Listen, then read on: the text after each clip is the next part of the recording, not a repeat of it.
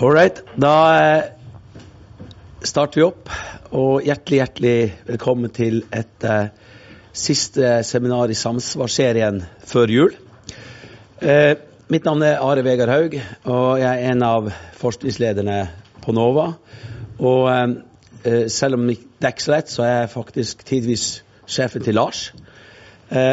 Og har gleden av å introdusere temaet i dag, som er veldig aktuelt Eh, på godt og vondt, vil jeg si, og eh, svært spennende, nemlig eh, normalitet.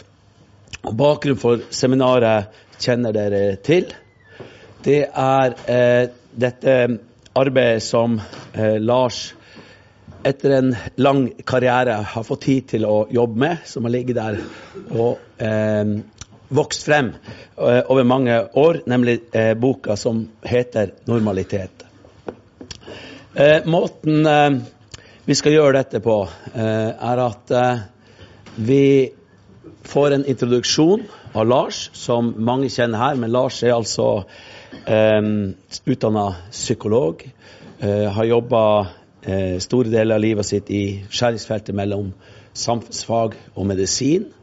og veldig mange kjenner jo Lars som en av fedrene, vil jeg si, i oppbygging av forskning rundt uh, ulike typer funksjonsevner. Uh, I tillegg så uh, skal, når Lars har presentert arbeidet sitt og lært oss litt mer om normalitet, så har vi vært så heldige å få Finn Skårderud med oss, som flere av dere også kjenner godt til.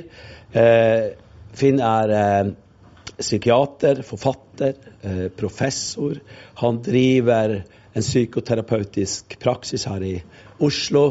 Eh, han er noe så flott som administrerende direktør for Villa Sult, som er et senter for forebygging og behandling og forskning omkring spiseforstyrrelser. Mange av oss kjenner jo også Finn Skårderud fra eh, flotte og gode debatter i den evige eh, samfunnsdialogen, eh, og særlig med utgangspunkt i Aftenpostens kulturredaksjon. Eh, så jeg skal ikke si så veldig mye mer. Jeg skal ønske Lars velkommen. Så vil Finn eh, diskutere Lars sitt eh, innspill, og så har vi en dialog eh, etter det hvor Hvis jeg har skjønt dette rett, så åpner vi vel opp for litt spørsmål eh, og, og sånn fra, fra, publikum. Så hjertelig, hjertelig velkommen eh, igjen. Og så gir jeg over til Lars. Jeg må jo si, for ikke da å liksom blamere psykologen, at jeg er ikke det. altså. Men jeg er, jeg er sosiolog. Jeg, jeg, prøvde å si det. Ja, Men jeg bare sa at ikke, men jeg, jeg bare sa at ikke de skal Ja, men jeg er nå det. Ja, hyggelig å se at så mange kunne ta seg tid sånn rett oppunder jul. Men eh, det jeg kommer til å si litt om innledningsvis, det er eh, eh altså åpne opp det begrepet normalitet litt. For altså, normalitet er et, veldig, altså, det er et veldig vanlig ord, og et ord vi bruker veldig ofte uten å tenke så mye over hva det betyr. Um, og vi bruker det nærmest eller veldig ofte når jeg støter på det i den forskningen jeg har drevet med i forhold til personer med nedsatt funksjonsevne, så er det nærmest en sånn implisitt forståelse. Altså at man ikke behøver å si hva det betyr. Altså liksom Det er sånn som at alle vet hva det betyr. Eh, og jeg, så Det første man kan gjøre, det er f.eks. å slå opp i synonymordboka, som jeg har gjort. Den tredje utgaven fra 2005. Og der finner jeg at liksom synonymer, da, og ikke eh, ikke definisjoner, men altså synonymer på, på, normalitet. Det er sånn som ord som alminnelig, gjennomsnittlig, naturlig, oppegående, ordinær, regelbundet, planmessig, vanlig, klok, riktig, i hodet. Åndsfrisk ved sine fulle fem. Ikke sant? Og det er jo i utgangspunktet veldig bra ting, stort sett. Um, Ulempen er at eh, normalitet har da en eh, tvilling som heter unormalitet. Sånn at grensegangen mellom de to begrepene er jo det som er det interessante. Altså hvor går grensen mellom det normale og det unormale. Og det normale blir jo en meningsløs kategori uten at det har det unormale å støtte seg til. Eh, en liten sånn setning til det er at å normalisere der er synonymet å standardisere. Og normovertredende, altså som er også knyttet til normalitet, det er i synonymboka tilsvarende upassende. Og Der kommer to elementer inn som jeg syns er ganske viktige, nemlig den eh, styrende og den disiplinerende effekten ved normalitetstenkningen. Um, sånn helt innledningsvis vil jeg også si litt om altså begrepets røtter. Og det er, altså For det første så er normal et ord som kom inn i de europeiske språkene på den måten vi bruker det i dag, sånn midt på 1800-tallet. Altså Egentlig er det ikke sant, Det betyr bare vinkelrett på, og var egentlig betegnelsen på en på en, et, et, verktøy som snekkere brukte for å standardisere. Sånn at eh, det migrerte da over til kroppen, og det migrerte over til kroppen delvis pga. to personer. Og de personene vil jeg si noe veldig kort om. Altså Den ene var eh, fordi at normalitetstenkningen altså Det er ikke begrepet i seg selv som er eh, skal vi si, litt sånn vanskelig. Det er jo mer den eh, tenkningen i forhold til våre mennesker. Og jeg bruker da normalitet selvfølgelig bare i forhold til det som har med kropp og sinn å gjøre. Eh, og normalitet har selvfølgelig mange andre anvendelsesområder innenfor naturvitenskap f.eks. Men det, det, det, er liksom ikke det som er temaet her. Men altså, det var to fedre da faktisk, altså til normalitetsbegrepet som jeg bare nevner veldig, veldig kort. Og den ene det er eh, den belgiske matematikeren Ketelé, levde på 17- over til 1800-tallet. Eh, han var veldig opptatt av at det gjennomsnittlige, det var det ideale. Og det gjennomsnittlige i en befolkning kunne være f.eks. det gjennomsnittlige høyde eller vekt. Eller det kunne være moralske egenskaper. Og dette her delte han da inn i det han kalte lom moyen fysikk og lom moyen moral. Eh, og for han så var da den gjennomsnittlige personen det var en ikke-eksisterende person, for det var liksom gjennomsnitt av alle mennesker, og dermed en litt sånn idealtypisk beskrivelse av det han så som det optimale. For han var da det normale var også der knyttet til det ideale. Um, uh, og han, altså Ketelé han utviklet noe som uh, vi ja, Jeg kan si hva det, hva det, kom til etterpå. Men altså han kalte det Ketelés indeks, som var forholdet mellom høyde og vekt. Um, og Den ble brukt ganske mye i hans levetid, men så forsvant den helt. Og så gjenoppsto den Ketelés indeks tidlig på 1920-tallet, da amerikanske forsikringsselskaper begynte å stille spørsmålstegn ved om det var så innmari fint å være litt tykk. For det var det nemlig på den tiden. Altså, det å være litt sånn i godt hold, som han sa, det var et tegn på sunnhet. Det var, ikke sant, Vi har uttrykk som altså, at en mann har pondus. Det var veldig positivt. Det var ikke bare et uttrykk for en fysisk form for sunnhet, men også at en person hadde ja, troverdighet, at man lyttet til den personen osv. Men det man fant ut etter Og det å være tynn, det var ikke bra, ikke for da hadde man eh, antagelig tuberkulose eller en annen grusom sykdom. Så det å være litt tykk, det var bra. Men så fant man ut at de som da var litt tykke, de døde også fortere. Så det var liksom litt sånn dårlig business for forsikringsselskapene. Og så gjennom oppdaget man da Ketelés indeks. Og den fikk da navnet BMI. Og det er jo den, akkurat den samme BMI-en vi i dag bruker, som er en sånn direkte arv fra Ketelé. da. En indeks han utarbeidet for å beskrive forholdet mellom høyde og vekt på rundt 1800. Um, ehm, et annet begrep fra Ketelé som på en måte speiler denne idealiserte forestillingen om det gjennomsnittlige, det er eh, middelklassen. Men iallfall, OK. Ketelé gjorde dette her. Eh, litt senere så kommer da en annen person på banen, og det er Francis Galton, som sikkert er kjent for mange av dere. Men Francis Galton, jeg skal si litt om han også, fordi at altså, Galton var jo fetter av Darwin, som var da en enda mer kjent person, Charles Darwin. Men, var, men Galton var nok på sin tid vel så, og kanskje enda mer innflytelsesrik. Men, og Galton var ganske enig med Ketelé i dette her med mye av det han gjorde, men han var helt uenig i at uh, det ideale var det gjennomsnittlige. Og han spurte nærmest sånn retorisk ikke sant? Hvis du har en kurve, altså det som vi kaller Gauss-kurven, og jeg kommer litt senere til hva den da heter etter at, uh, etter at uh, Galton har meldt sin ankomst, han sa er det like bra, og det var det da i KTLS-verden, at en person er kjempedum som at en person er kjempeflink. Altså i den ene eller den andre halen på denne Gaus-kurven. Og det syns jo ikke, det syns ikke Golt noe særlig om. Så for han så ble det et prosjekt å lage en rangert kurve ut av den urangerte kurven som altså Gauss-kurven var før, eh, før Goldens tid.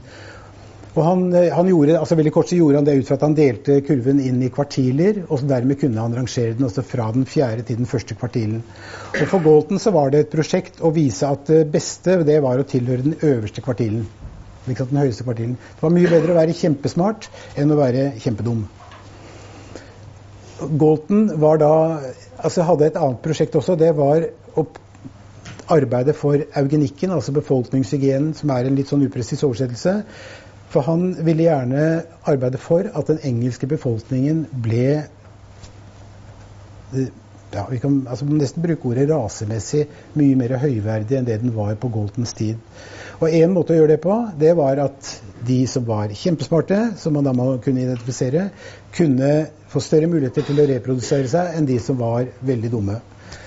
For å si det litt sånn flåsete, da. Men iallfall i det arbeidet så måtte også Galton da reformere veldig mye av statistikken. Og det gjorde han. sånn at veldig mye av bidragene til Galton de gjenfinner vi i dag i f.eks. begreper som dere er kjent med, som altså regresjonsanalysen, ki-kvadrat, kvartilene Alt dette her er jo noe av Galtons bidrag til utviklingen av det, den statistikken som skjedde i hans tid. Så han bidro på mange måter til et sånt paradigmeskift når det gjaldt statistikk. For statistikk hadde tidligere blitt brukt først og fremst innenfor statsvitenskap og innenfor altså oppmåling og kartlegging av jordområder, landområder og sånne ting. Men altså i, i Galtons tid så ble dette trukket mye mer inn i eh, beskrivelser av kroppen. Um, sånn at det jeg ønsker å få frem, altså er at vår forståelse av normalitet i dag, den bygger nok både på arven fra Ketelé og arven fra Galton. Og det betyr at den både har en dimensjon, eller en, en side som beskriver det ideelle som eh, i gåseøynene det beste i en rangert oppsetting, og det gjennomsnittlige som det ideelle, som er mer Galton, nei, jeg mener som er Ketelés bidrag. Ehm, så skal jeg begynne å nærme meg kanskje en liten eh, slutt. Men jeg skal bare si én liten ting som da på en måte leder litt over til eh, det jeg tror Finn Skårderud kommer til å si noe om. Uh, og det er uh, at uh, i 2013, da jeg hadde altså, som sagt jobbet mange år med funksjonshemmingsforskning, men i 2013 så leste jeg to veldig interessante bøker.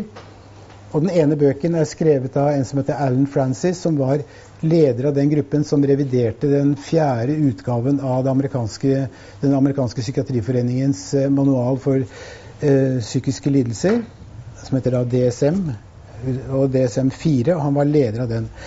Eh, han, altså Francis Allen han så veldig urovekkende på den utviklingen som skjedde i forbindelse med revisjonsarbeidet til den femte utgaven, som da er den som eh, har kommet i dag. Og han skrev da nesten som et angrep, tror jeg, på det arbeidet. Dette vet uh, Finn Skårderud mye mer om. Men altså, han skrev da en bok som het 'Saving Normal'. Altså redde normaliteten. For han mente at den var under et veldig sterkt press i forbindelse med den nye psykiatriforståelsen som DSM-5 speilet. da. Men samtidig så leste jeg også en bok av en helt innenfor funksjonshemmingsforskningen som heter Leonard Davies. Og han skrev en bok som het 'The End of Normal'. Og den leste jeg veldig godt, for jeg anmeldte den i et tidsskrift. Og det som jeg syns var eh, veldig påfallende med han, det var at han mente at normaliteten den var på en måte sånn borte. Det som var, er kommet til stedet, det var variasjonen. Altså litt sånn, uten at jeg har så veldig god greie på dette her, men litt sånn postmoderne og liksom litt sånn kanskje dekonstruert og sånne ting. At liksom nå var det om ikke fritt frem, så iallfall mulig for veldig mange mennesker i langt større grad enn tidligere å utfolde alle sine skjulte potensialer. Og det var mange mange muligheter. Det var ikke lenger en disiplinerende kraft i normalitetstenkningen. Og da tenkte jeg sånn hm, kan det stemme? Og det, liksom det første som slo meg, var med religion. Kanskje religion i andre kulturer enn den den norske. Og så tenkte jeg litt på uh, kjønnsuttrykk og sånt nå. Tenkte litt også på sånn seksualitet. Altså hvor lett er det å være homofil i Russland f.eks. Altså for han bruker nemlig seksualitet, seksuelle uttrykk og, og, religion som eksempler på denne muligheten til å iscenesette sine egne liv. Da. Men i fall, konklusjonen på lesingen av de to bøkene var at jeg mente at Lennart tok veldig feil. Jeg mener at normalitetens grenser patruljeres minst like flittig som tidligere, kanskje enda flittigere. Og det er noe av de temaene som jeg da tar opp i den boken om normalitet, knyttet til kroppen. Og som jeg langt på vei også skrev ut fra et sånt ønske om for meg selv å liksom få en litt bedre forståelse av hvordan er det tenkningen skjer innenfor de områdene som har med kroppen å gjøre. Jeg har ikke tatt alle områder, men jeg har tatt fem områder. Men jeg tror jeg stopper der. Og så tror jeg at eh, Finn Skårderud har eh, mye å utdype og tilføye. Takk.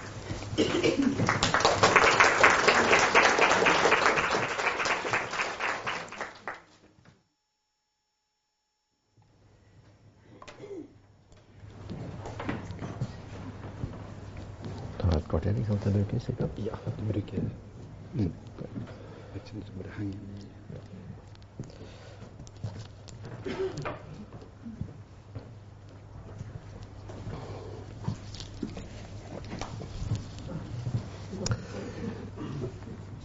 Tusen takk for å være invitert. Jeg mener om at jeg syns dette er veldig stimulerende eh, å diskutere den type fenomener. Jeg har ca. et kvarter på meg. Jeg skal ikke lese alle disse bøkene. Men det er såpass stimulerende, Lars og dere andre, at eh, jeg har brukt en del tid på å forberede meg. og Jeg har 14 punkter. Og hvis jeg skal komme i nærheten av dem, så må jeg snakke unormalt fort. Og det skal jeg ikke gjøre. Eh, men da får vi heller fortsette i samtalen vår om en del av disse temaene. Eh, jeg blir veldig interessert i disse to bøkene, som på en måte tar en slags uh, forskjellige standpunkter. Og jeg tror at vi sikkert skal være alle steder. Jeg tror at dette er ganske komplekst i positiv forstand. Komplekst betyr ikke nødvendigvis komplisert. Komplekst betyr interessant. Uh, fordi vi ser ganske samtidige forskjellige tendenser, tenker jeg. Eh, til det overordnede spørsmålet i Lars sin bok eh, snevrer vi inn normaliteten i dag, så tror jeg at jeg er fristet til å si ja, og på en del problematiske vis. Men ikke uten at det er ganske flertydig, og at vi også ser andre tendenser i dette.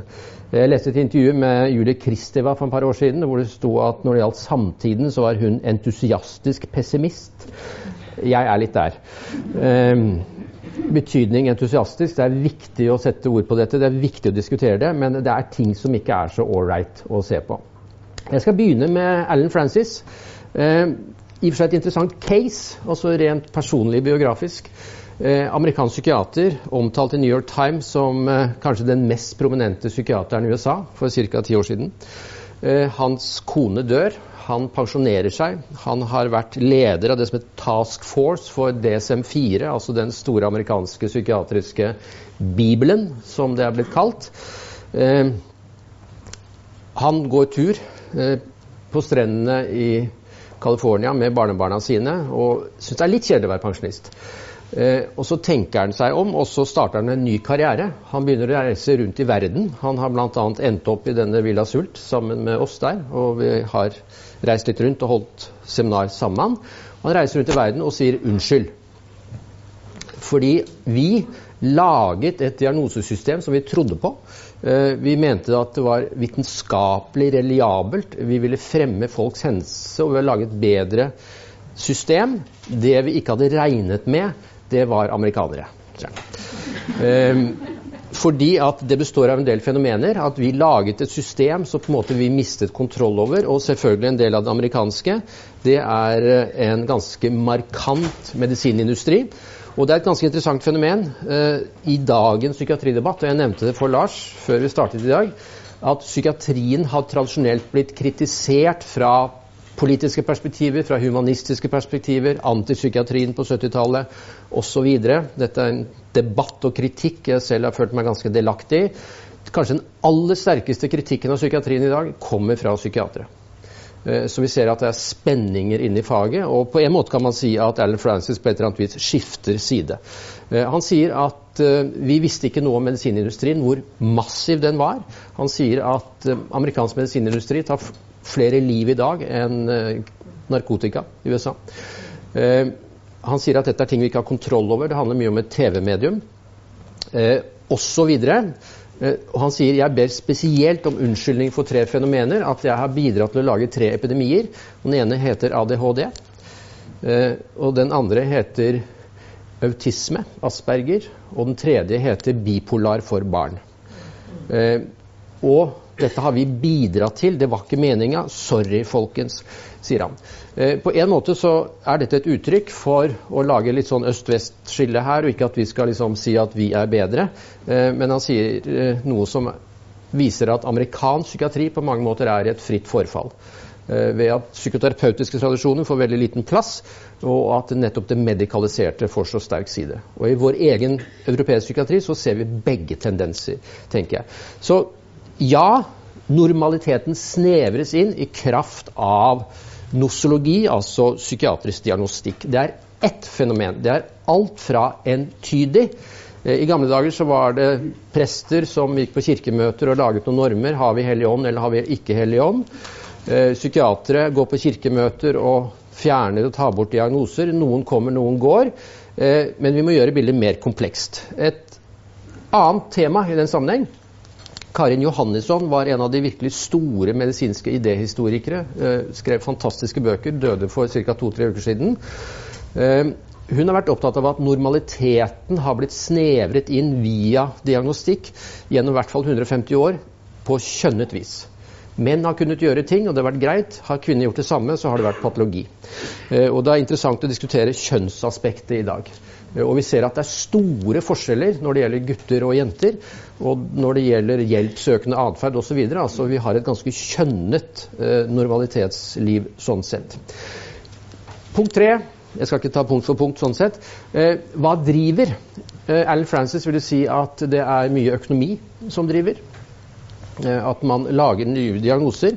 Vi har et norsk helsevesen eh, som kanskje kommer til å, si, å drive en del. For nå er det på vei inn at det norske helsevesenet skal begynne med DRG-systemet på psykiatri. Hva betyr det? At f.eks. en psykiatrisk avdeling den får penger, innsatsstyrt finansiert, den får penger for hva den behandler. og Slenger du på to-tre diagnoser til, så får du mer penger altså ny Public Management i norsk helsevesen, innført Støre Stoltenberg ca. 2002-2003, lager noen økonomiske drivkrefter som gjør at vi oppsikt kan få økende diagnostisering. Nå er ikke sikkert at økende diagnostisering er så gærent klinisk.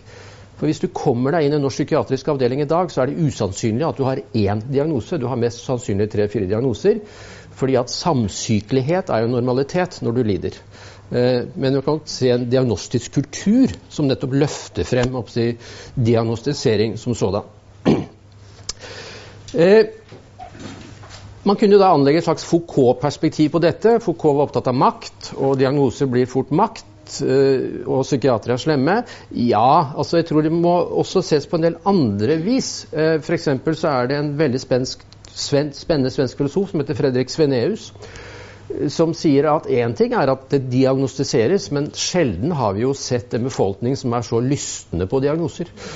Eh, altså Jakten på diagnostikken den går jo langt over mitt hode. Eh, eller under mitt hode, eller hvor det er, dette internettet. Eh, vi har fått en helt ny folkemedisin hvor folk sitter og shopper diagnoser, og stort sett med trebokstavsforkortelser. Eh, Firebokstavsforkortelse for noen, ADHD, men f.eks. altså HSP, Highly Sensitive Personality, shoppes jo. Før var jeg nervøs, nå har jeg HSP. Um, ehm, og det fine f.eks. med en HSP, som ikke er en diagnose, men som er altså mye av dette nye medisinske deskriptive der ute, det er jo at da er du både nervøs og antageligvis litt kreativ. Altså Det spiller på klassiske myter om nervøsitet, sårbarhet og kreativitet. Og det shoppes en masse. Eh, mye av dette handler også om at man søker medisinske forklaringer og en viss grad medisinske metaforer på evig eksistensielle temaer. Og på en måte kan man si at da Gud døde, så klamrer vi oss til vitenskap. Den vitenskapen er ikke alltid så vitenskapelig valid og reliabel, men vi klamrer oss til den, især hvis den har en trebokstavsforkortelse og en støttegruppe på Internett.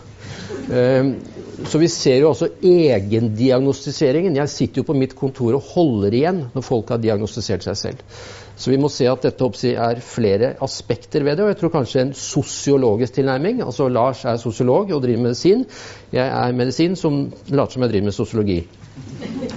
Uh, og en sosiologisk tilnærming er kanskje nettopp en del sånn eksistensielle, grunnleggende temaer. At vi søker nettopp noe å holde fatt i, og det som er nærmest oss, er en type vitenskapelighet eller en kvasivitenskapelighet.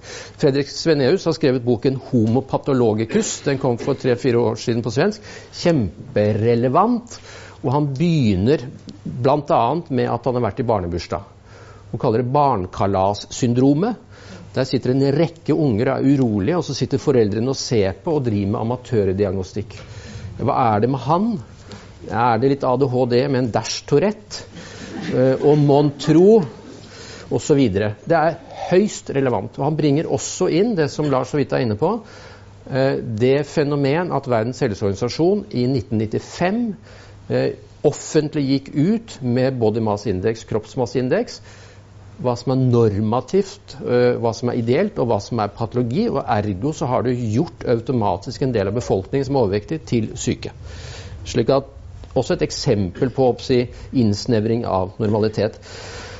Og så må vi tenke, hvis det er noe i det jeg sier, da, at vi søker medisin og søker medisinske metaforer, så kanskje av og til så er det ikke diagnoser, men metaforer. F.eks. så har vi en veldig viktig historiker som heter Christopher Lash som skrev boken om uh, 'The Culture of Narcissism'. Han mener vel ikke nødvendigvis at vi lider av det som er en psykiatrisk diagnose, nemlig narsissistisk personlighetsforstyrrelse, men han bruker narsissisme som en kulturell term. Eh, som en kulturell metafor. Eh, paven, som er en frisk fyr på mange måter, han drev jo med noen finurlige diagnoser for en par uker siden om koprofili og koprofagi. Eh, men han sa jo f.eks. i fjor og kritiserte den katolske kirka. Han sa at den katolske kirka lider av Alzheimer han, og narsissisme. Den lider jo ikke av Alzheimer, for det er en medisinsk diagnose, men han bruker det som en metafor at vi glemmer og ikke tenker og husker på verden. Så vi må nok tåle at av og til snakker vi metaforisk og ikke diagnostisk. F.eks. når vi snakker om narsissisme. Så bruker vi som en kulturell term. Det som er interessant, det er å reflektere litt over når vi bruker diagnostiske termer. Altså når blir det uklart, og når er det nyttige metaforer? Eh, men prøve å huske på at når vi ofte snakker på den måten, så sier vi ikke nødvendigvis noe om at noe avviker fra.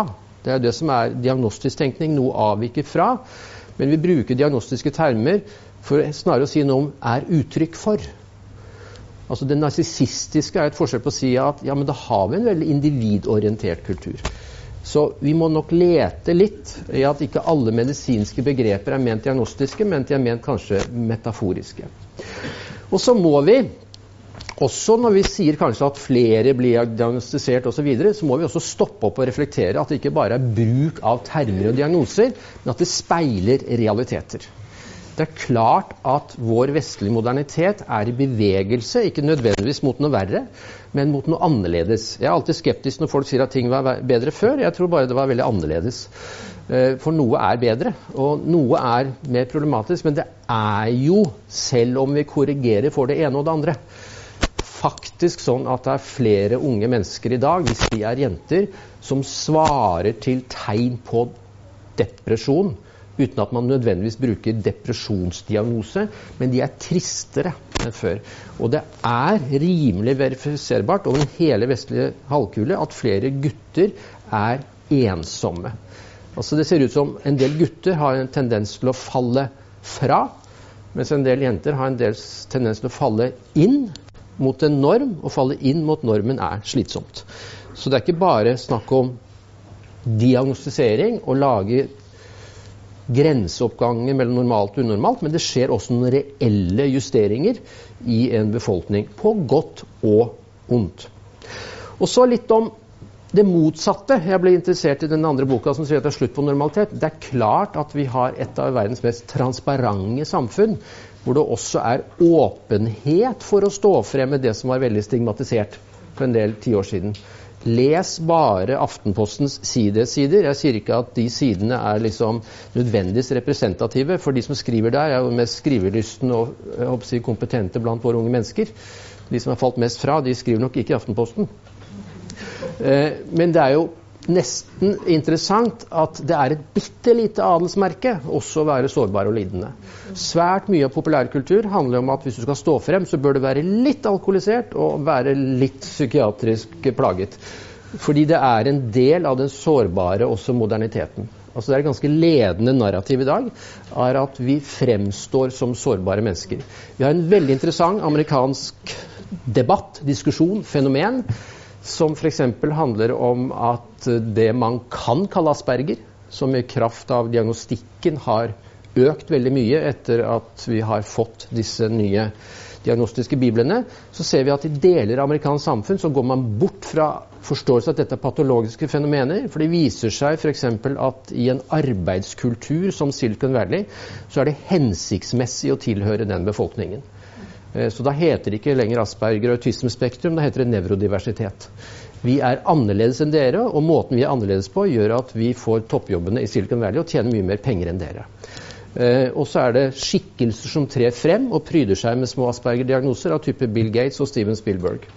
Eh, så vi ser også at jeg, moderniteten belønner eller jeg, ikke belønner forskjellige fenomener. Vi lever i en kultur, en økonomisk liberal kultur, som belønner ekstroverte mennesker, ja, da begynner vi i en viss grad å, å patologisere introverte mennesker, slik at sjenanse uh, er blitt en psykiatrisk diagnose og heter sosial angst.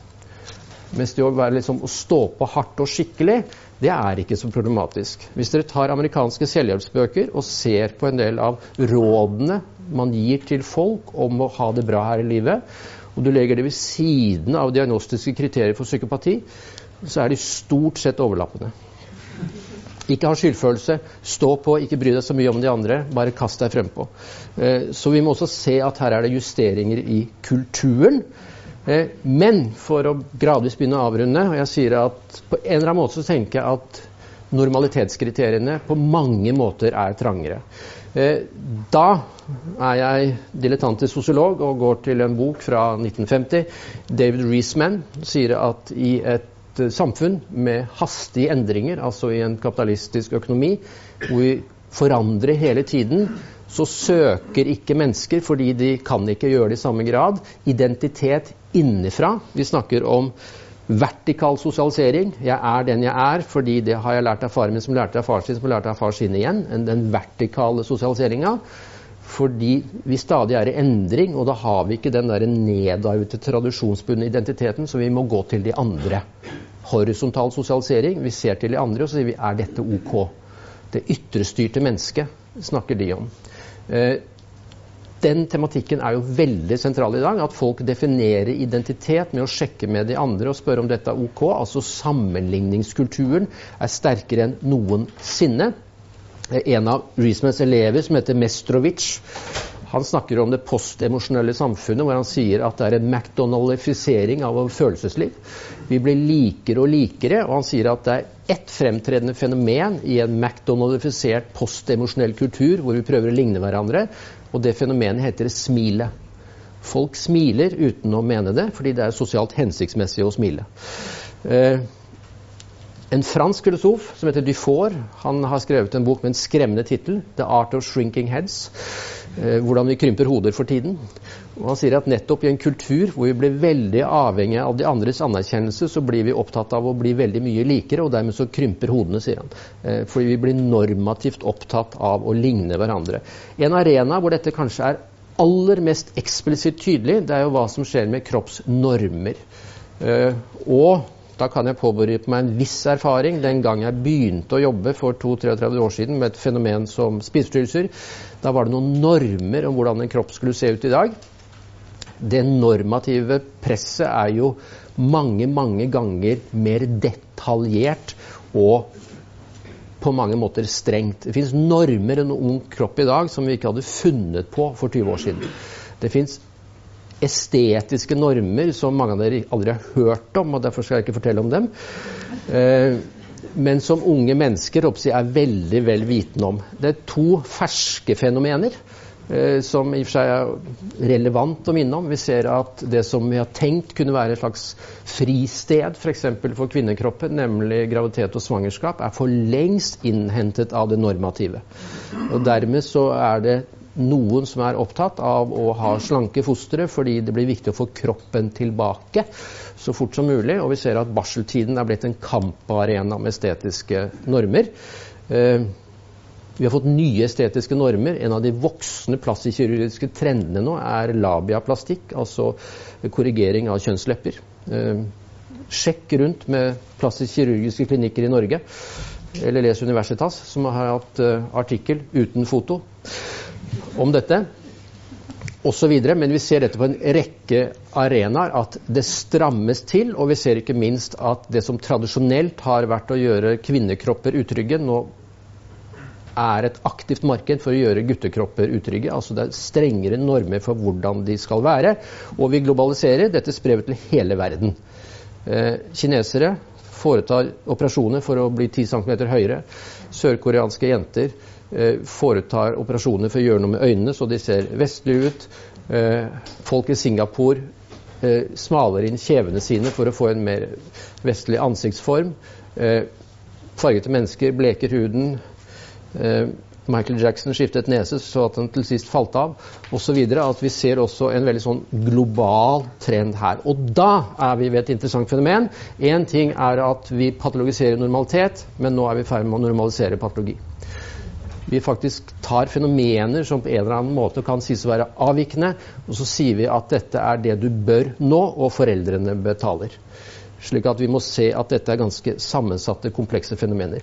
Helt til slutt Leser man side i Aftenposten, så tenker jeg det er kjempeinteressant. For der er det en del mennesker som åpent står frem om at de er så opptatt av å være normale at de blir syke av å være normale. Så Dermed så blir det sykt normalt, men det er man åpen om. Jeg tenker at Her er det nettopp kjempespennende spenninger, men vi må romme hele kompleksiteten i dette. Det er psykiatriske diskurser, det er diskurser som handler om diagnostikk, men det er også en del krefter i et samfunn som jeg tror snevrer inn et normalitetsbegrep. Noe av det jeg er mest bekymret for, er på en måte refleksjonsrommet. Rommet til å føle at man kan være litt annerledes. Vi dras mot at vi helst skal smile på samme måter, helst tenke på samme måter, helst sørge på samme måter. At det er riktig gale måter å føle på. Og selvfølgelig har vi noen sosiale medier eh, hvor Facebook ikke har noe med å vise ansikt. Det handler kanskje mer om å skjule ansikt og photoshoppe ansikt for at det skal ligne på andres ansikter, og at man kan få respons på det. Takk.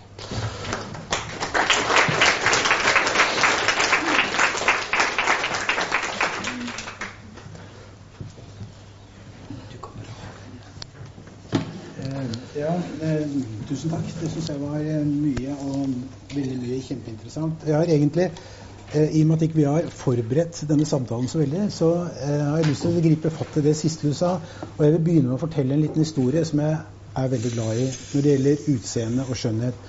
Og det er Da jeg skrev den boken, så kom jeg over et veldig fint bilde av en fransk Det er en malt av en fransk maler som portretterer en gresk maler, altså en maler i den greske antikken, som portretterer den skjønne Helena til, et, eh, til utsmykning av et kloster i Eller ikke kloster, men et, eh, et, eh, Om det er en kirke eller hva det er, altså i, i byen Krotona. Og det som er veldig interessant med det bildet, det er at på, man ser fem-seks av de vakre kvinnene i, i, i, byen som er kalt til, da, til Soxis som modeller. Og man ser en av dem som tydeligvis er veldig lei seg. Og det som fortolkningen av det bildet går ut på, det er at ingen av hennes kroppsdeler var funnet vakre nok til å portrettere, til å brukes i et portrett av den skjønne Helena. Fordi at den skjønne Helena, som da alle sikkert husker, var eh, datter av Sevs Og jeg, behøver ikke ta hele den historien, men poenget er at hun var, hun tilhørte gudeverden. Og på den tiden så mener man ikke sant, den ultimate skjønnhet det var en skjønnhet forbeholdt det guddommelige. Så intet menneske kunne ligne den guddommelige skjønnhet. Så hvis man skulle portrettere den guddommelige skjønnhet, så måtte man velge det fineste man fant på en rekke personer og sette dette sammen. Um, det bildet gjorde veldig inntrykk på meg, for jeg drev og tenkte på hva er det som på en måte har skjedd i dag? Altså på, hvis man uten å kjenne den greske antikken og livet altså Man kan selvfølgelig lese seg til det ved å lese forfattere som Plutark og sånt noe om livet i, i både den greske og romerske antikken, men det er klart at lite kommer inn på akkurat sånne ting. Så det man iallfall kan gjennom andre kilder få et inntrykk av, det er at folk på en måte slo seg litt i rommet. At man ikke var og hadde muligheten til å oppnå et uh, perfekt utseende. Men i vår tid så opplever jeg iallfall at uh, denne Soksis har trådt ned, på, trådt ned på jorden, og den skjønne Elena har trådt ned på jorden og blitt verdsliggjort på den måten at uh, den ultimate skjønnhet har blitt et for mange kanskje håpefullt, oppnåelig ideal som man prøver gjennom eh, kanskje hele livet å nærme seg. Og hele tiden så sitter det nå i dag kanskje flere hundre, flere tusen, flere titusener av soksiser og reproduserer den skjønne Elena innenfor filmindustri, reklameindustri osv. osv.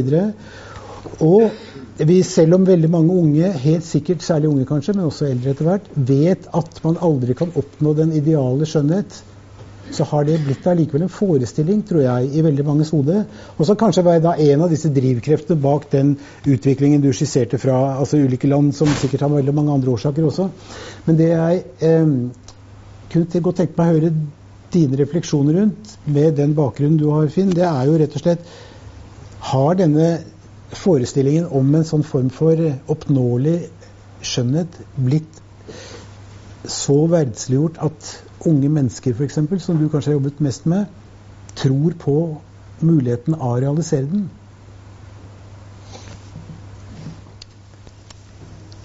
Jeg merker at jeg elsker dette ordet kompleksitet, selv om det er et veldig krevende ord.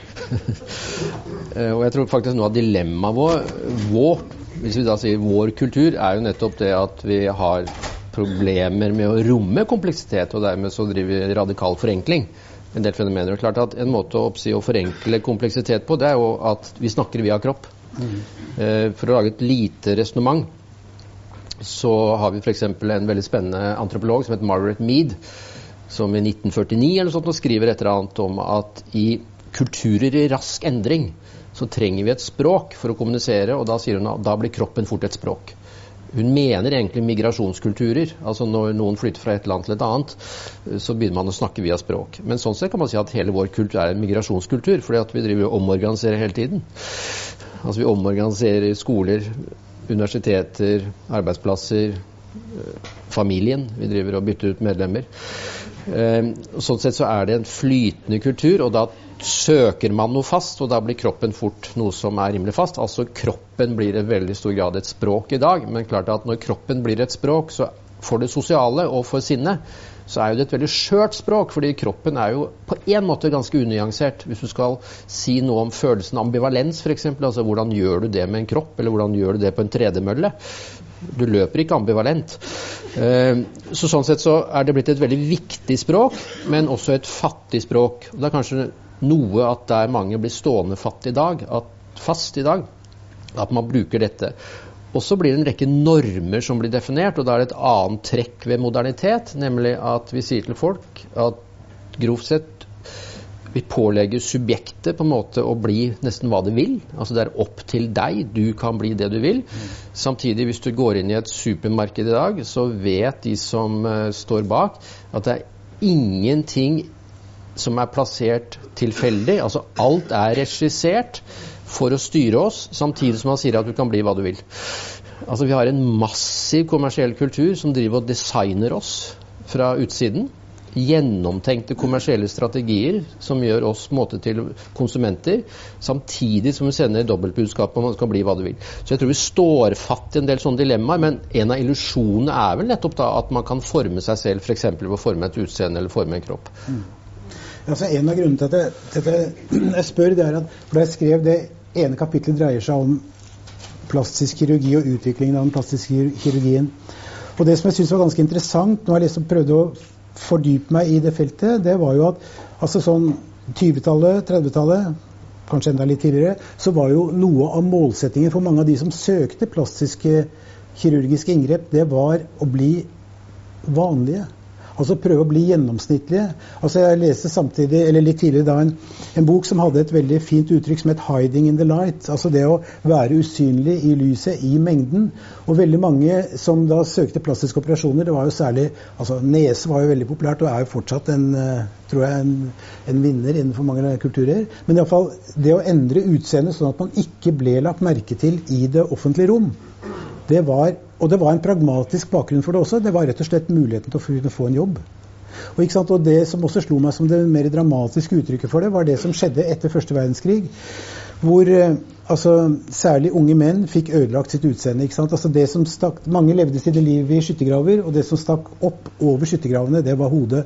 Og det hodet ble ofte veldig forferdelig ødelagt. Så det man etter eh, første verdenskrig utviklet, det var jo altså bl.a. en protesekunst som var ganske avansert. Ikke fordi at man kunne erstatte et ødelagt hode, men man kunne etablere forestillingen om at det var et hode. Og det rett og slett å bli vanlig, bli normal, kunne være akseptabel som kollega, som, altså som arbeidskamerat osv. Det var liksom en, sånn, en, en, en, viktig drivkraft. Men i dag så er jeg liksom på følelsen at vi liksom har gått et hakk videre. hvor Hvis, kan, hvis jeg skal liksom si, knytte dette her til det jeg sank etter Leo Golden, så vil jeg kanskje si at ok, så var det den tidligere eh, plastisk kirurgien den hadde kanskje sånt innslag av Galtons-tenkning, å bli gjennomsnittlig. Ikke bli synlig på noen, altså minst mulig synlig. Mens dagen, det er liksom litt sånn kanskje Nei, det var ikke etter Lehmann tidligere, men nå er det mer som Golden. ikke sant? Det å stikke seg ut i en positiv retning blir veldig pen. av en sånn idealisert skjønnhet. Gir det en mening å tenke sånn, eller? Ja, så det gir mening, særlig hvis jeg får lov til å liksom, dra det også litt over i ja. psykologi. fordi at eh, ja, plastisk kirurgi oppstår mye for å, å gjøre vansirete ansikter, men på et eller annet tidspunkt og si, i et eller annet type marked, psykologisk, men også økonomisk marked, så begynner vi til å bruke det til mer enn det. Eh, klassisk psykoterapi på 30-tallet i USA ble anvendt for å gjøre folk mindre lei seg. Altså man skulle få det bedre og bli friskere. Så er det eksempelvis en interessant skikkelse som heter Maslow, som stort sett alle har hørt om. Han laget en pyramide Maslows behovspyramide. Nederst er mat og klær.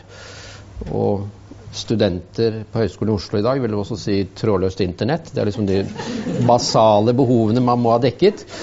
Også på toppen så driver vi med selvrealisering. Det er pyramiden. Han, det var bare én liten del av det han skrev. Eh, Maslow var en av de som begynte å bli opptatt av at hvis psykoterapi kan brukes til å gjøre syke mennesker friske, Hvorfor kan vi ikke bruke psykoterapi til å gjøre friske mennesker lykkeligere enn de er?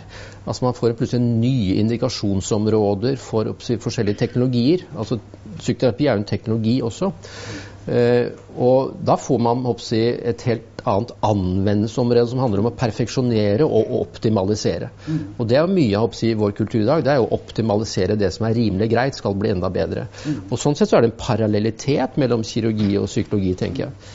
Eh, og relevante fenomener. Og hvis vi ser litt historisk på det, så tenker jeg at et klassisk amerikansk samfunn for 100 år siden Ethvert samfunn balanserer hårfint mellom alene og sammen. Hva er passe alene, og hva er passe sammen?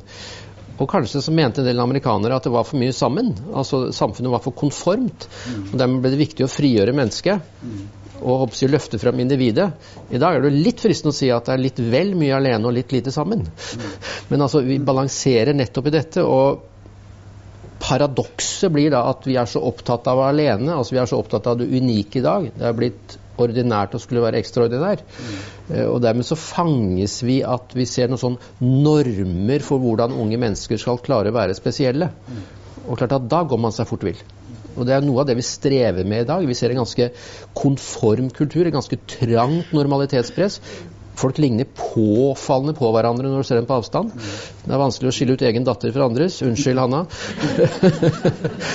altså Det er interessant å se hvor like folk blir, eh, samtidig som de lever med en norm om å være selvrealiserende på en litt spesiell måte. Dette blir jo klart eh, mange som blir det de kaller i dag sliten av. Ja. Jeg har lyst til å eh, liksom holde litt til på det, før vi går, kanskje går på et annet tema. og det er ikke sant, i forhold til dette å se vanlig ut. Ikke sant? Det hadde jo en enorm gjennomslagskraft i det amerikanske samfunnet, særlig på 20-tallet og 30-tallet. Og ikke sant, altså ja, Det er en lang historie, og de som har lyst til å, til å, vite mer om det, de kan lese den boken. Den finnes sikkert på biblioteket her. Men det som jeg syns er ganske interessant, det var denne sammenhengen som veldig mange hadde, eller trodde på, og som er en veldig grunnleggende del av vår, altså vår forståelse knyttet til eh, altså ulike kulturelle uttrykk gjennom religion osv. Nemlig sammenhengen mellom en persons ytre og en persons indre moralske kvaliteter. Ikke sant? Man, hvis man ser OK ut, så er man også et OK menneske. Dette her har til og med noe, er et veldig vanskelig ord, men det har et eget ord, og det, man finner det i veldig mange sammenhenger. Det har blitt brukt gjennom hele vår, i fall vår vestlige kultur i skuespill av alt fra ja, jeg vil ikke si alt fra, men bl.a. hos Shakespeare. Men det som jeg syns er veldig interessant, det er at troen på denne sammenhengen var på 20-tallet i USA så sterk at man faktisk begynte med plastiske operasjoner på innsatte i fengsler. For at man hadde da den oppfatningen, eller troen på, at ved å endre en persons utseende, så kunne man også endre denne personens moralske kvaliteter. Og dette her var Altså, det kom en bok, og det kom sikkert flere bøker, men dette her var såpass populært da, at New York Times for eksempel, skrev en artikkel hvor de sa at liksom, jo, jo, riktignok har det kommet noen nye medisiner osv., men de er neppe så effektive som det å endre personers utseende gjennom plastisk kirurgisk inngrep. Og det synes jeg er, og det er klart at Da, er det jo ikke liksom, da var det jo ikke et plastisk kirurgisk inngrep for å bli superpen, men det var et plastisk kirurgisk inngrep for liksom å se vanlig ut. Altså, for det er klart, altså ser du, Har du masse blomkål, eller ikke masse, ikke mer enn to blomkålører, men ikke sant, og en, og en sånn um, saddle nose, eller sånn sadelformet nese etter å ha levet et litt sånn um, aktivt liv, så er det klart at um, altså, folk legger merke til det. Og det, Derfor syns jeg liksom at det som er interessant kanskje i dag, det er denne forskyvningen av bruken av plastikkirurgien. Plastik Men jeg vet ikke om du har lyst til å kommentere det? Eller om jeg bare skal prøve å ta med at vi kan, se på klokkene, at vi kan ta ett lite tema til slutt? Ja da, men uh, jeg kan godt bli til kvelds, ja. så det er ikke noe farlig. Uh, men uh, jeg syns det er det er veldig relevant å snakke om dette med si, hvordan det ytre snakker om det indre. Det tror jeg også, altså Når jeg da litt sånn eh, tabloid erklærte meg som entusiastisk pessimist, så er det nettopp noe med at eh, det gjøres jo i veldig stor grad i dag. Det fins eh, en fransk filosof som heter Herbert Juvin, som i fjor, eller to år siden, kom med en bok som heter 'Coming of the Body'. Altså 'Kroppen kommer'.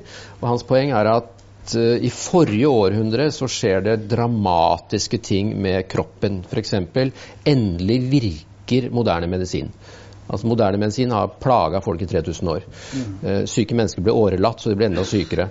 Uh, endelig begynner den å virke, bl.a. med konsekvensen om en betydelig forhøyet levealder. Uh, vi ser nye teknologier, fertiliseringsteknologier. Folk kan få barn uten å ha sex. Og så videre, og så videre. Han sier at det er en helt ny kropp. Det er mye mindre blod og stål, sier han. Altså Du trenger ikke å jobbe så mye fordi vi har teknologier så vi har fått en helt ny kropp i 21. århundre, sier han. Eh, men det fulgte ikke med noen bruksanvisning, skriver han. Eh, hva skal vi bruke den til? Og han sier at først og fremst i dag så bruker vi den til å presentere den og vise den frem for andre for sosial anerkjennelse. Eh, det er blitt noe av det viktigste rundt det her. Og det er klart at F.eks. så kan noen ha en kollektiv idé om at å ha en sånn og sånn kropp, da signaliserer du selvkontroll, f.eks. Du kontrollerer dis du signaliserer disiplin. Eh, du var selv inne på body mass index. Mange vil tenke at hvis du ikke har en sånn kropp, da kommuniserer du at du ikke har viljestyrke osv. Så, videre. så dette sitter ganske dypt fanget i oss. Det andre poenget Lars, er at uh, man snakker om USA sånn og sånn. Men jeg tror bare vi kan være vår egen norske si, verden og være tettere på oss selv. uh, uten å si, bli påtrengende selvbiografisk, så kom jeg fra Østerdalen. Eh, en eller annen gang så slapp jeg ut derfra. Og jeg er jo vokst opp med en norm at noe av det viktigste i den kulturen og den klassebakgrunnen, det var jo å være vanlig. Altså, de sa det jo eksplisitt 'vær vanlig', sa de. Og de hadde jo et skjellsord hvis vi prøvde å være uvanlig. Da egoist, sa de. Um, og jeg husker en gang min far sa til deg 'ikke skap deg, Guds sønn'. Um, og hvis du på død og liv skal gjøre det, får du flytte til Oslo. Eh, det er klart at det har skjedd på en generasjon at vi har på en måte snudd fra å være vanlig til at folk sier at eh, det å være vanlig er å være ingen. Så jeg trenger å ha ytre tegn på at jeg er unik og annerledes. Så det skjer jo fort. Altså Det er ikke entydig, men det skjer ganske fort i vår egen kultur òg. Så vi trenger ikke å gå til 20-tallet i USA for å liksom se dette. Så dels enig. Det kroppslige er blitt et veldig signifikant språk for indre. Og vi bruker kropp mer enn noen gang til å snakke om det indre, tror jeg. Eller det sosiale. Mm. Eh, og at dette skjer også hastig i våre egne kulturer. Mm. Altså jeg føler at jeg er liksom litt sånn på, på din banehalvdel i hele boken, egentlig. Også fordi at det er jo ja, det er, det er, kroppen det gjelder. Men det er liksom ett tema jeg kunne, godt kunne tenke meg at vi tok opp bitte litt til slutt. fordi at, altså, Som går da rett og slett på det som gjør at jeg iallfall, og så vidt jeg forstår deg også, selv om du da har, eh, sier at ting er komplekse, og det følger jeg deg fullt ut i, men det at jeg mener at normalitet er under press. da. Det, er, det vi har snakket om nå, er langt på vei Selvfølgelig er det mye tristesse og sånt noe i det, men det er jo ikke det, det er verre ting, da, for å si det sånn. Og? Normalitetstenkningen har for meg gitt de mest dramatiske utslagene innenfor det som skjedde gjennom da på, altså, veldig mye basert i Galtons forståelse av men, at mennesker kunne inndeles og klassifiseres etter verdi, som fikk da det dramatiske uttrykket gjennom 20-, 30- og 40-tallet, eh, hvor altså millioner av mennesker ble drept pga. at de var, ble sett på som ikke normale da, eller vanlige. Men, eh, og det veldig mange vet etter hvert, var jo også at eh, det som skjedde i Tyskland, det skjedde jo først og fremst i forhold til eh, funksjonshemmede. Ganske tidlig. Og i og med at jeg har jobbet, når jeg har jobbet med, med medisinere, så er det først og fremst vært genetikere. Så jeg har vært veldig opptatt av genetikk og prøvd å følge litt med det i den grad en sosiolog kan følge med på genetikk. Sånn at det jeg har lyst til å liksom ta opp som et lite tema til slutt, det er det derre Selvfølgelig så er vi ikke på vei inn i noe sånt noe som tidligere, men vi er litt på vei inn i, syns jeg, en sånn uh, idé om at folk kan sorteres etter en form for genetisk verdi. Og Det som for meg var veldig befriende da jeg begynte å nærme meg det feltet litt mer aktivt, det var at jeg leste en bok av en uh, engelsk professor i genetikk som heter uh, Leroy, som er professor på Oxford, og som skrev en bok som heter 'Mutants', altså mutanter. Og Poenget hans er jo at vi er alle mutanter. ikke sant? Altså, selv om altså, vi er mutanter i den forstand at vi har 99,8 eller 99,9% av genmassen felles, og så er det en del, ganske mange, ja ja, relativt sett er det få, men det er ganske mange allikevel, mutasjoner som hver og en av oss bærer med oss, som er unike for oss, og som gjør at vi er alle forskjellige, og vi er alle mutanter. Og Derfor så er jeg veldig sånn jeg, jeg merker at jeg reagerer veldig kraftig når jeg ser TV-programmer, leser aviser og får inntrykket av at det er liksom eh, noen er på sett og vis genetiske skal vi bruke ordet avvikere, og noe er på en måte genetisk normalt. Altså Jeg er helt enig i at noen av de sykdommene som en del av de mutasjonene koder for, de slår ut på noen mennesker, på andre så ligger de der. Men det alle som sitter her kan være trygge på, at dere er bærere av minst fire-fem potensielt alvorlige genetiske sykdommer som gitt at dere får barn med den rette, kan slå ut. Så Poenget er at det fins egentlig ingen sånn garanti, og det fins egentlig ikke noen sånn genetisk normalitet. Til tross for at jeg opplever, og kanskje er jeg da litt sånn paranoid, da, siden du brukte det ordet uttrykk, uttrykket i sted, på akkurat dette her. Men jeg, liksom, jeg syns jeg merker ting i tiden. Ikke minst i forhold til den debatten og diskusjonen som nå dras opp rundt eutanasi. Og bare som en sånn Siste punktet er jo da i det jeg nå sier, det er at det man kanskje skal være klar over, det er at hvert tyvende dødsfall i den flamske delen av Belgia er et eutanasidødsfall. Og veldig mange av disse her er, som, blir, altså som da dør gjennom eutanasi, det er mennesker med såkalte arvelige sykdommer. Sånn at det er noen sånne skal vi si, Jeg sier ikke at det er en sånn revival of eugenics, altså, men det er en form for eugenisk tenkning som er litt sånn tilbake, og hvor genetisk verdi på en måte blir en sånn standard som menneskers verdi måles i forhold til. Og som sagt, jeg er ikke lege, jeg leser meg til en del sånne ting. Men fra ditt ståsted, er dette også en side ved normalitetstenkningen som du føler Eller tenker litt på, eller? Ja. Altså, Vi kunne jo lage et stort eutanasiseminar, og jeg tror du og jeg ville ende opp omtrent på samme ståsted. Altså Som lege så har jeg på en måte blitt utdannet for å redde liv. Men Ikke for å gå inn i den debatten, men jeg bare å reflektere litt litt lignende baner. Eh, så ja, man hadde en eugenikk, altså en rasehygiene eh, med forskjellige utslag. Altså Sentrale skikkelser i Norsk Arbeiderparti var jo sentrale i det eh, i sin tid. Carl Evang, som liksom er en av våre store sosialister og si, bygger av velferdsstaten, hadde jo rasehygieniske standpunkter på 30-tallet. Så det var si, langt inne i vår normalitet å være opptatt av å gjøre normaliteten enda mer etnisk norsk. Eh, det er en veldig viktig debatt, men det er vel fristende å tenke at jeg, kommer den tilbake, så kommer den på en helt annen måte. Altså, da kommer den jo litt utenfra i, i form av politiske beslutninger. Eh, jeg veileder ungdomspsykiatrisk avdeling i Karasjok, som er altså en samisk ungdomspsykiatrisk avdeling for Norge, Sverige og Finland. Så Hvis du er ulykkelig finne og 16 år, så kan du ende opp der. Og det er klart at Vi jobber jo der med sekundære traumer av fornorskningsprosessen av samer på 50-60-tallet. Altså fordi foreldrene deres var offer for det. Så vi sitter jo med noen relativt sånn up to date dilemmaer om den type politikk. Jeg tror at jeg, vår modernitet eller senmodernitet er såpass liksom en viss grad laget at mye av dette vil ikke i samme grad komme utenfra, det kommer innenfra. Som psykologi.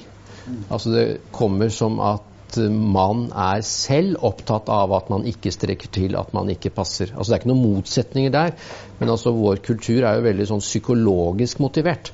Eh, og det er jo det som er interessant, som jeg sier, at eh, foreldrene betaler. Altså vi, I en viss grad så normaliserer vi jo ganske dramatiske tiltak.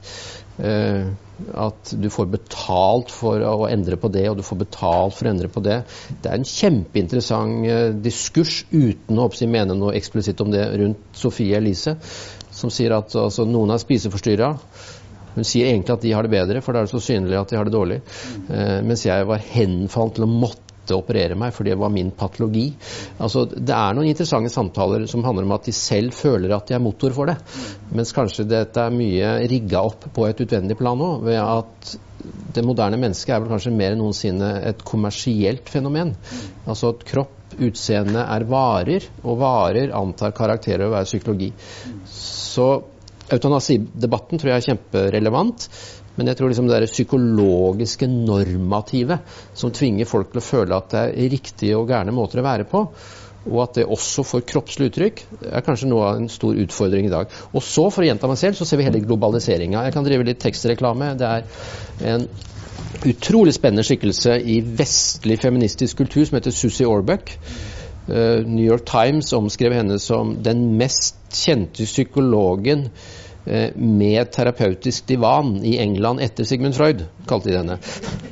Eh, hun skrev en bok for 40 år siden som het 'Fat is a feminist issue'. Hun er psykoanalytiker. Eh, sladderen forteller at hun var terapeuten til lady Diana da hun gikk i behandling for sin bulimi. Hun har skrevet og skrevet i 40 år om hva skjer med kroppene våre. Uh, hun har intervjuet i Aftenposten i helga eller rett over helga, hvor noe av det hun snakker om, er globalisering av dette vestlige normativet. Hvor nettopp at folk selv underkaster seg kirurgi fordi de er misfornøyd med koreansk ansikt og vil ha et vestlig ansikt. Altså Den type fenomener at du også er drevet av mor, far og deg selv, og ikke bare at det er dytta på deg, at du skal prøve å ligne på noe som er ganske trangt normativt.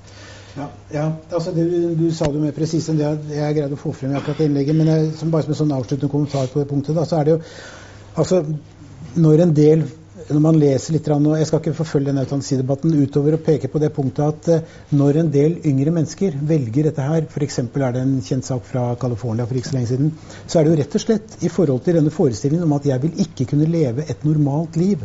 Jeg vil ikke kunne ha det livet som er normen for mennesker. Og da er det jo noe med at sant, denne normen er så snevret inn at, sant, sånn at jeg vil si at det er liksom en sånn form for eugenikk som kommer inn bakdøra. altså. Ja. Ikke sant? Men eh, jeg, jeg, jeg, tror at jeg får også spare min stemme litt. Eh, hvis, eh, jeg, har du noe du gjerne vil si, eller skal vi åpne for noen spørsmål hvis noen har noe å spørre om? Nei, jeg tror jeg har sagt det jeg vil si. At uh, dette er uhyre spennende, men vi må liksom også svelge kompleksiteten i det. Altså at vi har også verdens mest transparente samfunn hvor det er færre stigma enn mange mange andre samfunn. Altså Det er en helt annen åpenhet å kunne fortelle om det andre, men det er ikke entydig. Det er et flertydig fenomen, og av og til så er flertydigheten at ting kolliderer. Altså Det er både åpnere og mer lukket samtidig. Og Det er noe av det som vi må tørre å gripe. Eh, jo, ett poeng til. Eh, nettopp dette med at vi bruker kropper til mentale fenomener. Det er klart at Én eh, ting er liksom psykologiske fenomener, men jeg tror at kanskje at mye av dilemmaet med å svelge kompleksiteten det er at Da tyr vi også til kroppslige fenomener, men ikke bare utseendemessig, men medisinske fenomener. Eh, og Jeg rekker sikkert nå å nesten fornærme noen her, men det er ikke intensjonen. Men altså, for ca. ett til to år siden så var det jo en stor diskurs i den vestlige kulturen som het glutenintoleranse. Den har gått over, så slapp av. Eh, det var i fjor. Eh, men hva er det det kan handle om? Eh, fra et psykiatrisk standpunkt da, med risiko for å fornærme noen. altså 1 av den kvinnelige befolkning har cøliaki, de tåler ikke gluten.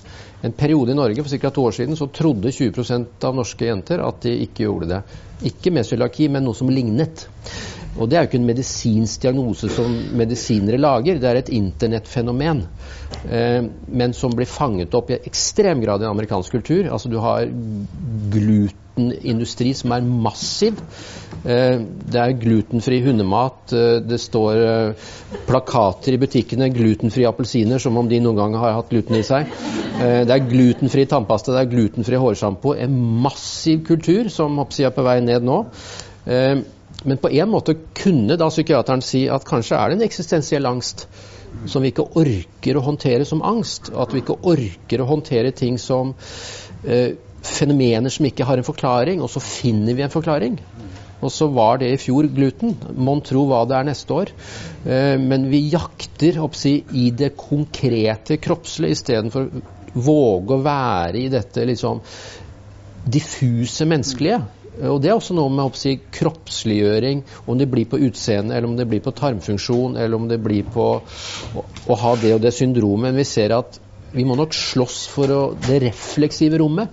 Vi må slåss for tvil, usikkerhet, og at det er helt normalt å være usikker.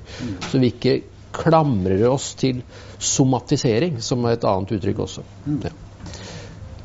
Ja, men Da skal vi si at vi runder av. Så sier jeg tusen hjertelig takk for at du eh, tok deg tid. Også, også hvis noen, noen, her har noen, her, noen av dere har lyst til å spørre om noe, eller har noe dere har på hjertet, så vær så god. Ja. Så du kanskje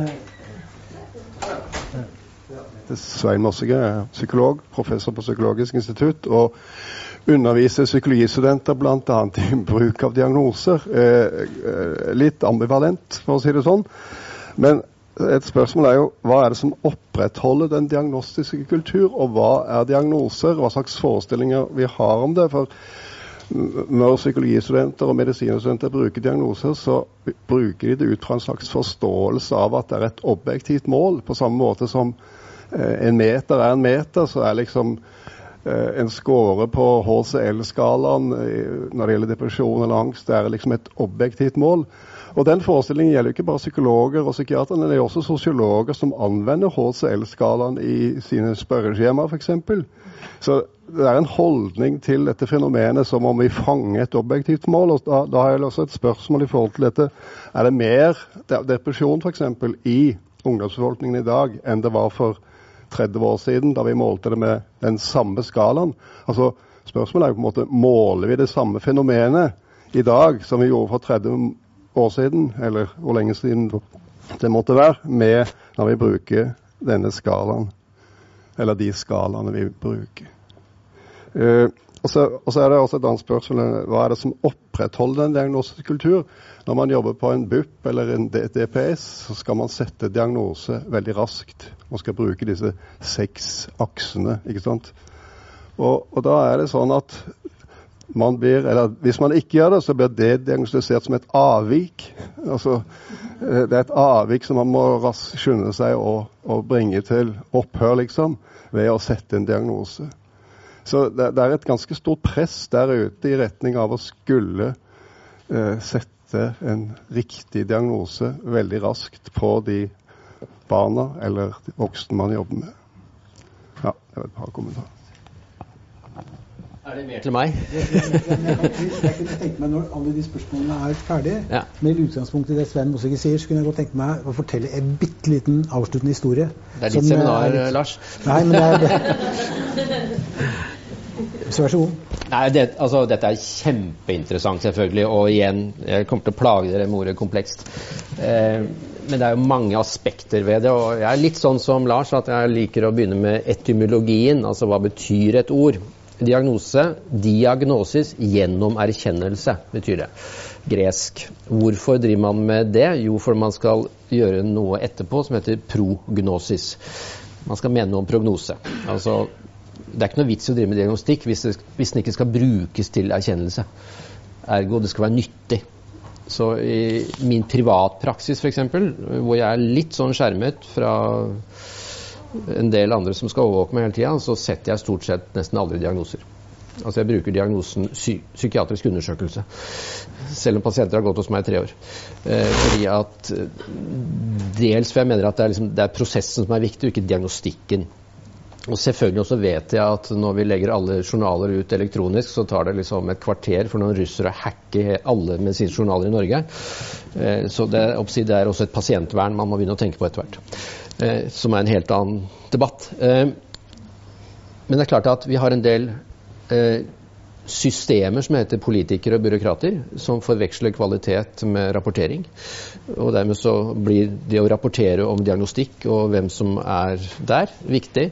Eh, av og til så er det diagnostikk som løsrives fra hoppsi, prognose og hva det gjør. Eh, så den går litt eh, si, på egen hånd. Eh, dels så vil det være som jeg sier, så Eh, blir en del standardisering. Apropos det. Vi har debatter om pakkeforløp og sånne ting. og Dermed så blir liksom diagnosen skal peke på hvor mye det utløser av penger. Vi har noen byråkratiske fenomener. Dette er mye tydeligere i Danmark, hvor diagnosen utløser. Jeg var i Danmark i forrige uke. Eh, jeg veileder fast her. Jeg stusser alltid at det er så mange schizofrene dansker.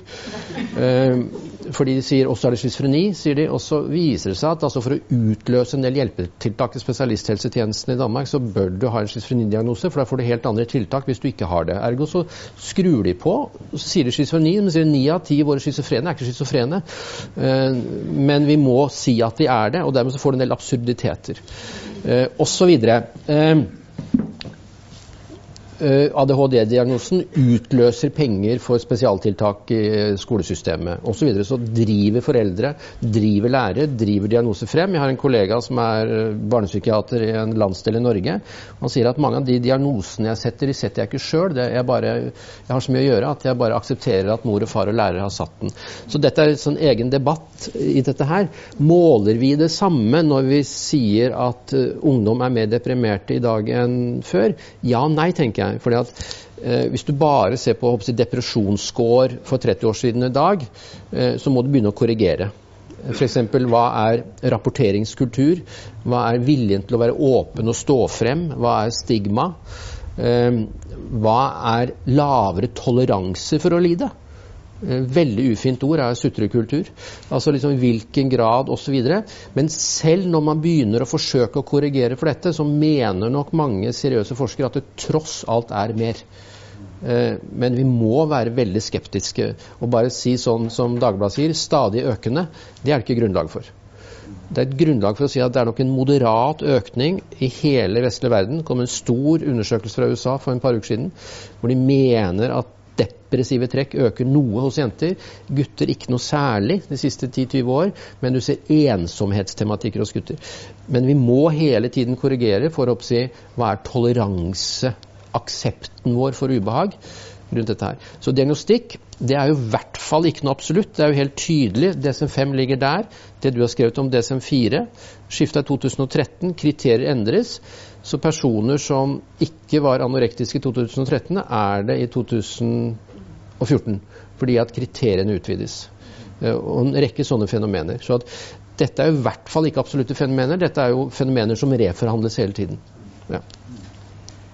Hvis ingen da, Det ser ikke ut som noen andre har rukket opp hånden, så da kan jeg bare slutte med den bitte lille historien som er fra den boken. og Det er noe med at eh, det å kontekstualisere diagnoser, eller kontekstualisere fenomen da, og da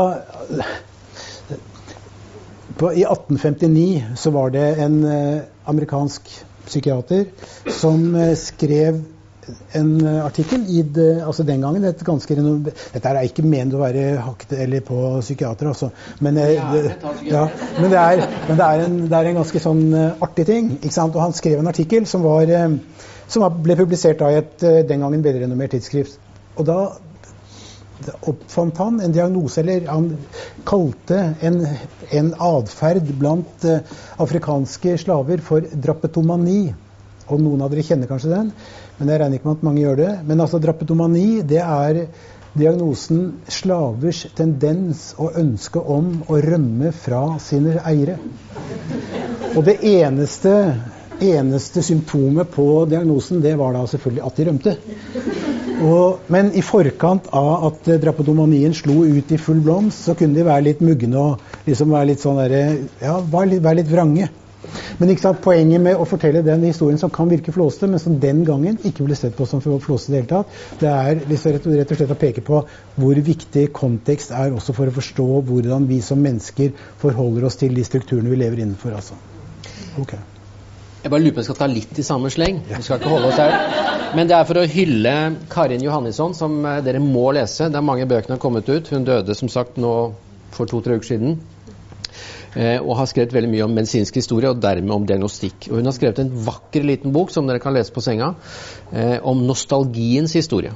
Og nostalgi ble til en medisinsk diagnose sånn type 1700-tallet, og den rammet spesielt sveitsiske gutter som lå ved fronten i Europa.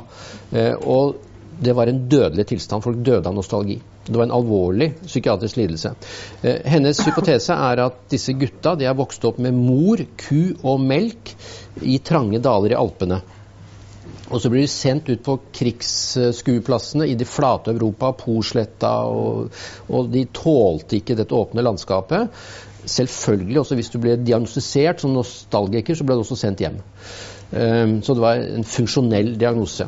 Så kommer moderniteten industrisamfunnet, folk drar til Amerika. Eh, da blir plutselig dette til en suspekt holdning. Så i de klassiske diagnostiske verkene så tar man bort diagnosen.